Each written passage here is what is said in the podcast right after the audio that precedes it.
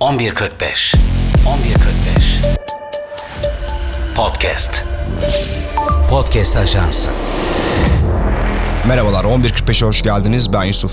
Bugün size Kore Yarımadası'ndaki gerginliklerden ve Kuzey Kore Devlet Başkanı Kim Jong-un'un savaş dönemlerinden bahsedeceğim. Bu sene Asya Pasifik'ten ve Çin denizinden çokça bahsedeceğimiz bir yıl olacak sanırım. Çin ve Tayvan arasındaki gerginlik gün bir gün artarken kıtanın kuzeyinde iki devlet arasında da tansiyon gittikçe yükseliyor. Biliyorsunuz ki Kuzey Kore ve Güney Kore arasındaki gerginlik 10 yıllardır dünya gündemini meşgul eden bir olay. 1953'te Kore Savaşı ile ikiye bölünen adada 71 yıldır tam anlamıyla barış ya da sükunet ortamı oluşmadı. 27 Temmuz 1953 tarihinde imzalanan Panmunjom Ateşkes Anlaşması ile biten savaştan sonra iki devlet arasında kalıcı bir barış anlaşması imzalanamadı. Ve bu da teknik olarak bu iki devletin 71 yıldır savaşta olduğunu gösteriyor. Geçtiğimiz yıllarda Kuzey Kore ve Güney Kore arasında askeri gerilimi azaltmaya hedefleyen bir anlaşma imzalanmıştı. Ancak geçen sene Kuzey Kore'nin uzaya casus uydu göndermesinden sonra Güney Kore sınır boyunca gözetleme uçuşlarına devam edeceğini söyleyerek anlaşmayı askıya almıştı. Bunun üzerine de Kuzey Kore Devlet Başkanı Kim Jong-un bu anlaşmanın tamamen rafa kaldırıldığını, tamamen askıya alındığını söylemişti. Güney Kore ile barışçıl olarak birleşme hedeflerinden vazgeçtiklerini açıklayan Kim, 2001'de başkent Pyongyang'da sembolik olarak inşa edilen birleşme kemerinin de yıkılacağını söylemişti. Buna ek olarak Kim, Güney Kore ve Kuzey Kore arasındaki ilişkiyi birbirine düşman iki devlet ilişkisi olarak tanımlıyor. Kim Jong-un'un Güney Kore'nin Kuzey Kore'yi tahrik etmesi halinde Seul'ü yok ederim diyecek kadar ileri gittiği görülüyor hatta. Bu açıklamalar üzerine Güney Kore Devlet Başkanı Yoon Suk Yeol geçen senenin sonunda sınır birliklerini ziyaret etmiş ve askerlere sizden düşmanın provokasyonlarını derhal ve kararlı bir şekilde ezmenizi rica ediyorum demişti. Kim Jong-un özellikle askeri gerilimi azaltma anlaşmasının askıya alınmasından sonra söylemlerini iyice sertleştirdi. Güney Kore Devlet Başkanı Yoon'a çöp gibi bir beyni olan adam diyen Kim, Yoon'un Birleşmiş Milletler'le yaptığı konuşmasından sonra Yoon için diplomatik aptal ifadesini kullanmıştı. Adada geçen senenin sonunda artmaya başlayan gerginlik 2024 yılında giderek daha da artıyor. Kuzey Kore'nin Rusya ile yaptığı silah anlaşması üzerine BM'de konuşma yapan Yoon, Kuzey Kore'nin Güney Kore'yi tehdit edecek silah ve mühimmat anlaşmaları yapması halinde Güney Kore'nin de boş durmayacağını söyledi. ABD Doğu Çin denizinde bir süredir Tayvan ve Güney Kore ile ortak tatbikatlar yapıyor. Bu tatbikatlar sırasında Kuzey Kore ordusunun 76. kuruluş yıl dönümüne katılan Kim Jong-un, Kukla Güney Kore'yi en zararlı ve değişmez düşman olarak tanımlamak ve beklenmedik bir durumda topraklarını işgal etmeyi ulusal bir politika olarak benimsemek makul bir önlemdir. Güney Kore ile barış müzakere yoluyla elde edilemez ifadelerini kullandı.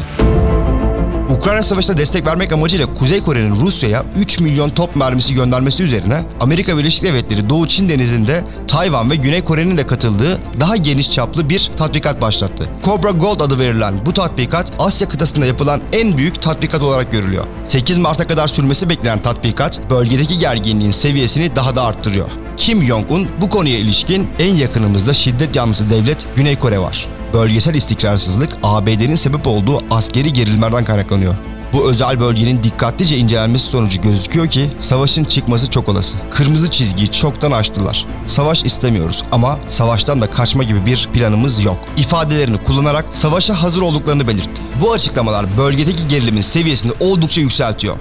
Çin-Tayvan gerginliğine Kim Jong-un'un tırnak içerisindeki bu uyarıları da eklenince bölgedeki çatışma ihtimali her geçen gün artıyor. Amerika'nın yeni bir soğuk savaş istediğini ve bu yeni soğuk savaşı da Çin denizinde istediğini geçen bölümlerde anlatmıştık. Acaba Amerika bu tatbikatlarla Kuzey Kore'yi bu soğuk savaşın tetikleyicisi olarak mı kullanmak istiyor sorusu akıllara geliyor tabii ki. Kim'in bu açıklamaları Güney Kore halkını doğal olarak korkutuyor. Güney Koreliler Kim Jong-un'un savaş başlatabileceğine inanıyor. Ama uzmanlar Kuzey Kore'den gelen bu açıklamaların savaş çıkarmak için değil, bu sene Güney Kore'de yapılacak olan seçimleri etkilemek için yapıldığını düşünüyor. Güney Kore Devlet Başkanı Yoon Suk Yeol'ün halkı savaşta sürüklediğini iddia eden Kim Jong-un bu seçimlerde Yoon'dan daha ılımlı bir başkanın Güney Kore'nin başına geçmesini istiyor. Uzmanlara göre Kim bunun için de savaş korkusu yayarak Güney Kore seçmenini etkilemeye çalışıyor. Seçimler 10 Nisan'da ve 10 Nisan'a kadar Kim'in söylemlerinin daha da sertleşeceği düşünülüyor. Asya Pasifik'te Amerika gerek Tayvan, Çin gerek Kore Yarımadası'nda gerginlikleri kaşımaya devam ediyor. Bu kışkırtmalar üzerine bölgede bu sene çatışma görme ihtimalimiz oldukça artıyor. Kuzey Kore cephane gibi bir ülke. Sürekli silah üretiyor. Bunu şöyle örnekleyebiliriz. Avrupa Birliği 2 sene boyunca Ukrayna'ya 500 bin top mermisi göndermiş toplamda. Geçen aylarda Kuzey Kore Rusya'ya tek seferde 3 milyon top mermisi göndermiş. Avrupa Birliği'nin neredeyse 6 katı.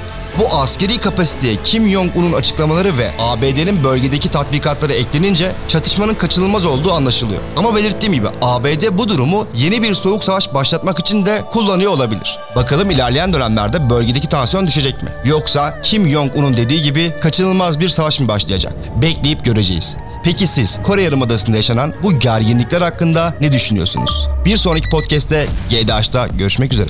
11.45 11.45 Podcast. Podcast Ajansı